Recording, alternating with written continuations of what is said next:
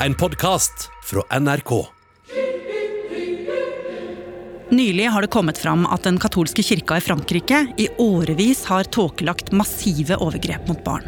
Utført av kirkens betrodde menn. Saken sjokkerer en hel verden. A damning new report reveals rampant sexual abuse of children within France's Catholic Church. Og hadde det ikke vært for én mann, Francois Devaux, så hadde kanskje ingenting av dette kommet for en dag. Hvem er denne mannen, og hvordan klarte han å avsløre hemmelighetene i den mektige kirka? Du hører på Oppdatert. Jeg heter Ragna Nordenborg. For å forstå hvorfor Francois Devaux er sentral i denne store opprullinga her, så må vi tilbake til rundt 1990 og den franske byen Lyon. Francois Devaux var da ca. ti år gammel og akkurat begynt i speideren, som i Lyon ble dreven av den katolske kirka. Vegard Kjørom er journalist i NRK Nyheter. Francois likte veldig godt å være med i speideren. Han var ofte med ute i skogen med uniform og skjerf rundt halsen, og så likte han å være med i kirka sammen med de andre guttene.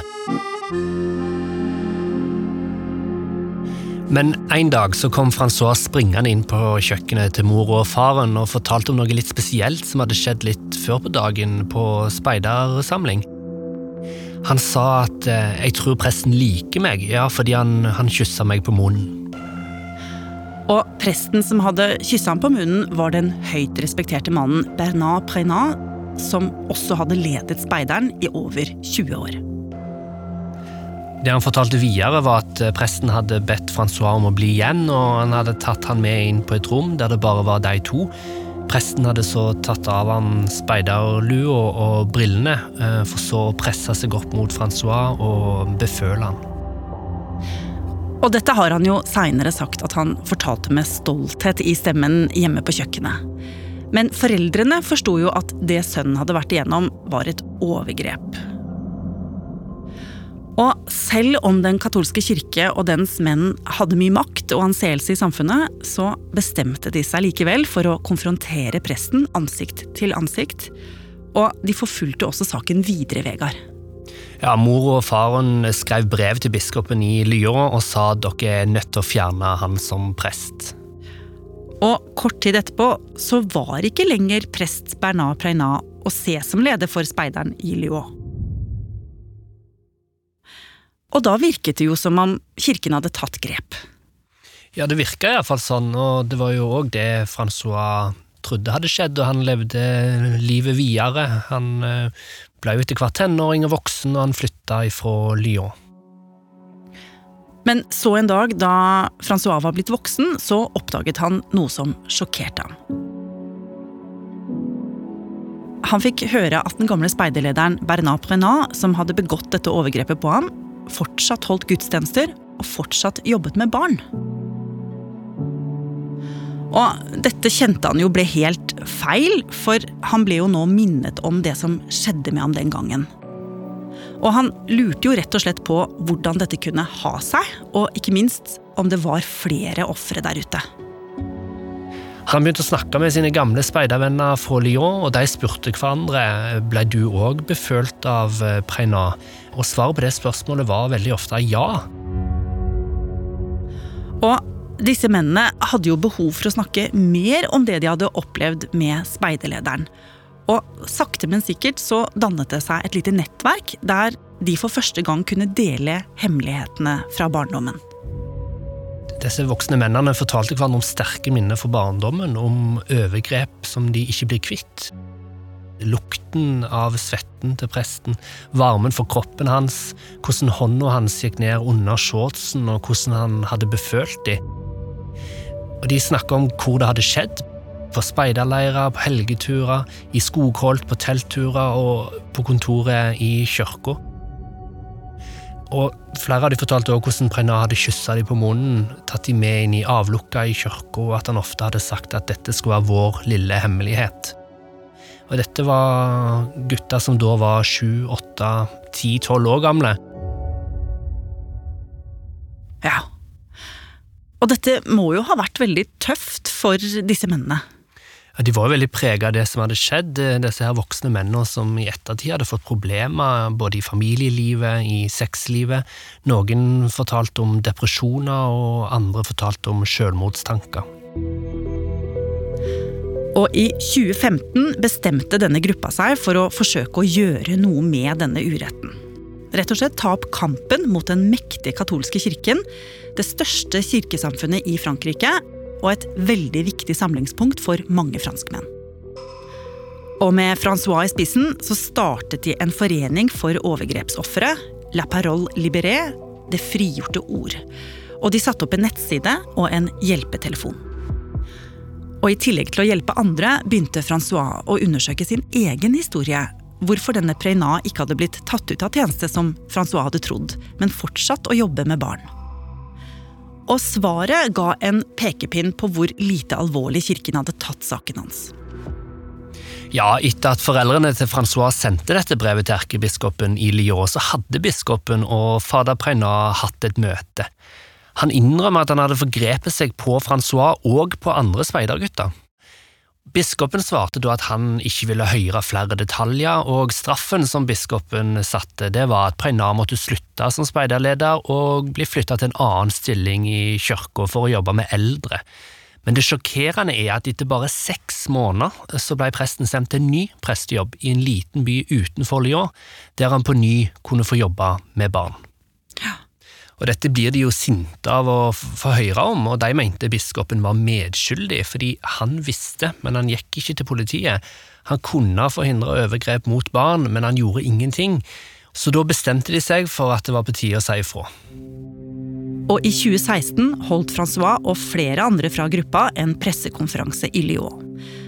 Han fortalte at de hadde identifisert hele 60 speidergutter som alle påsto de var blitt utsatt for overgrep av Prina. He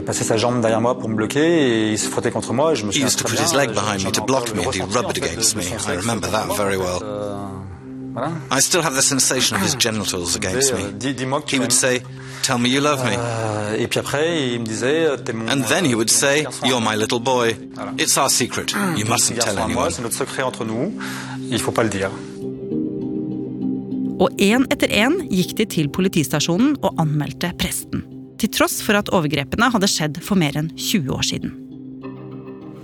Saken eksploderte i Frankrike.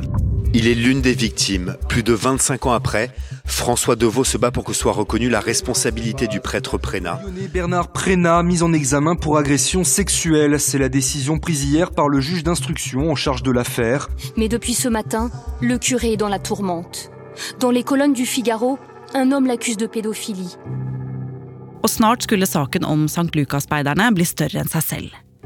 Det ble til og med laget en fransk spillefilm om Francois og foreningen hans. Filmen het Ved Guds nåde, og mange så den.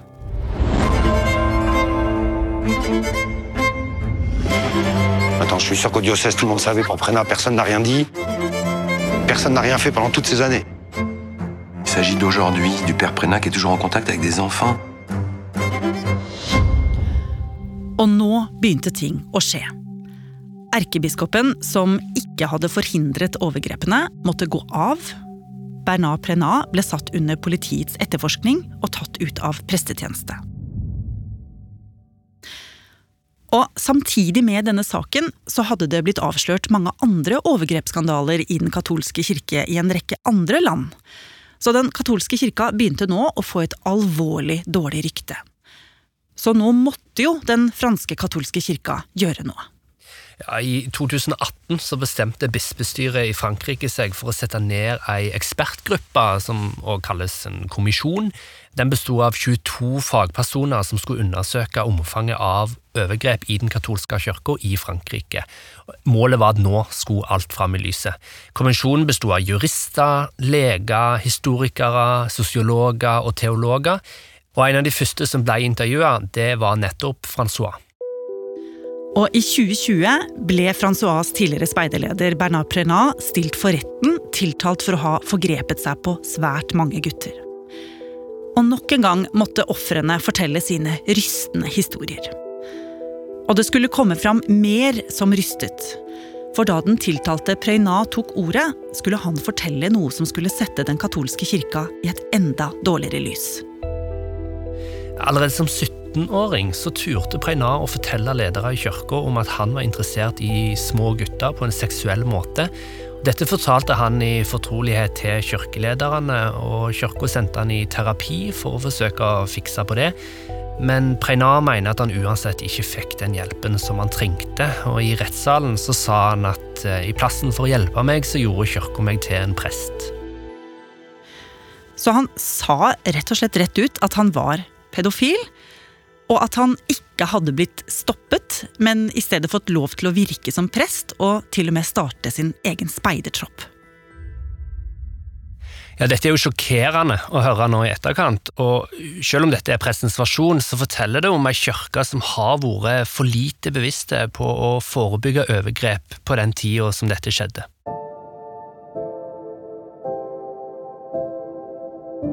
Og Preina ble til slutt dømt. Han fikk fem års fengsel for å ha forgrepet seg på ti gutter. Og på dette tidspunktet begynte ekspertgruppa som var satt ned av Den katolske kirke, å bli ferdig med sitt arbeid. De hadde gjort store spørreundersøkelser, gransket arkiv i kirken, politiet og rettsapparatet, og etter nesten tre års dypdykk kom konklusjonen på en pressekonferanse nå i oktober. Qui ont été sexuellement agressés pendant leur minorité par des clercs, des religieux ou des religieuses. Og på denne pressekonferansen som ble avholdt i Paris i oktober, var Francois på plass. I dette store rommet kunne han se lederen av kommisjonen stå på scenen og fortelle en hel verden om hva de hadde funnet ut. Par leur ampleur, ces nombres, 216 000 et 330 000, sont bien plus que préoccupants. Ils sont accablants Selve rapporten var stor og tung. Den var på flere tusen sider og inneholdt eh, hele 6000 vitneskildringer. og Den viste veldig tydelig at Francois sin historie på ingen måte var unik. Det ble anslått at så mye som 330 000 barn kan ha opplevd overgrep i den katolske kirka siden 1950. Og det var prester og religiøse ledere som sto bak godt over halvparten av disse overgrepene. Hmm. Og etter at kommisjonslederen hadde lagt fram rapporten på denne pressekonferansen, så fikk Francois ordet. Je le sais. C'est de l'enfer dont vous revenez. Oppe på podiet la han armene i kors og fikk et veldig strengt blikk. Og han var ikke nådig på vegne av alle ofrene i den katolske kirke gjennom disse 70 åra hvor overgrepene hadde pågått. Og han sa dere må betale for disse kriminelle handlingene. Vous devez payer pour tous ces crimes. Og han henvendte seg også direkte til flere ledere i den katolske kirke som var til stede, og sa at de var en skam for menneskeheten. C'est que vous êtes une honte pour notre humanité. Men det mange lurer på, er jo hvordan i alle dager dette kunne skje. At så mange som 330 000 barn kan ha blitt misbrukt av noen i den katolske kirke siden 1950. Og Det finnes det ingen enkle svar på. Kommisjonen peker på mange utfordringer som den katolske kirka har. Katolske prester skal f.eks. ikke ha sex. Eh, dette mener kommisjonen kan være en regel som er såpass trøblete for folk at eh, den katolske kirka må revurdere om det skal være sånn. Kirka er òg veldig lukka. Eh, katolske prester har ikke hatt lov til å si ting videre pga. en veldig streng taushetsplikt, så et varsel om denne type overgrep har ofte bare stoppa opp.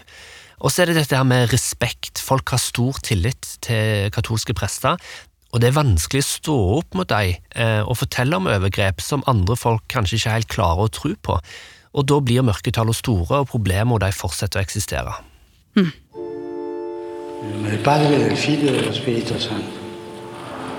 La pace sia con voi. Og dagen etter rapporten satt pave Frans på en scene i Vatikanet foran masse mennesker iført sin hvite pavekjortel og leste opp fra et hvitt ark. Desidero esprimere alle vittime la mia tristezza e mio dolore. Paven snakket om traumene som ofrene hadde gått igjennom. Og han var også tydelig på at det var en skam at kirken ikke hadde klart å hjelpe i så mange år. Per i traumi che hanno subito e anche la mia vergogna, la nostra vergogna, la mia vergogna.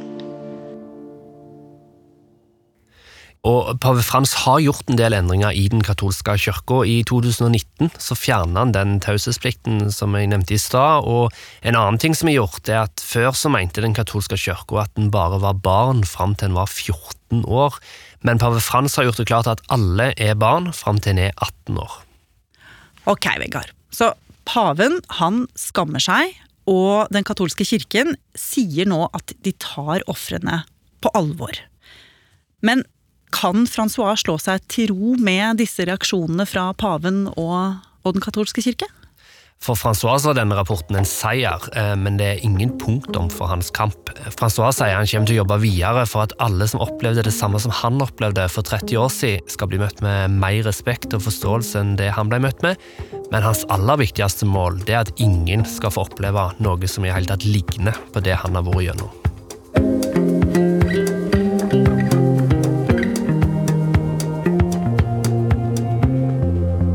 Har du lyst til å bli fast lytter av oss i Oppdatert og få påminnelse om nye episoder, er det bare å følge oss i NRK radioappen.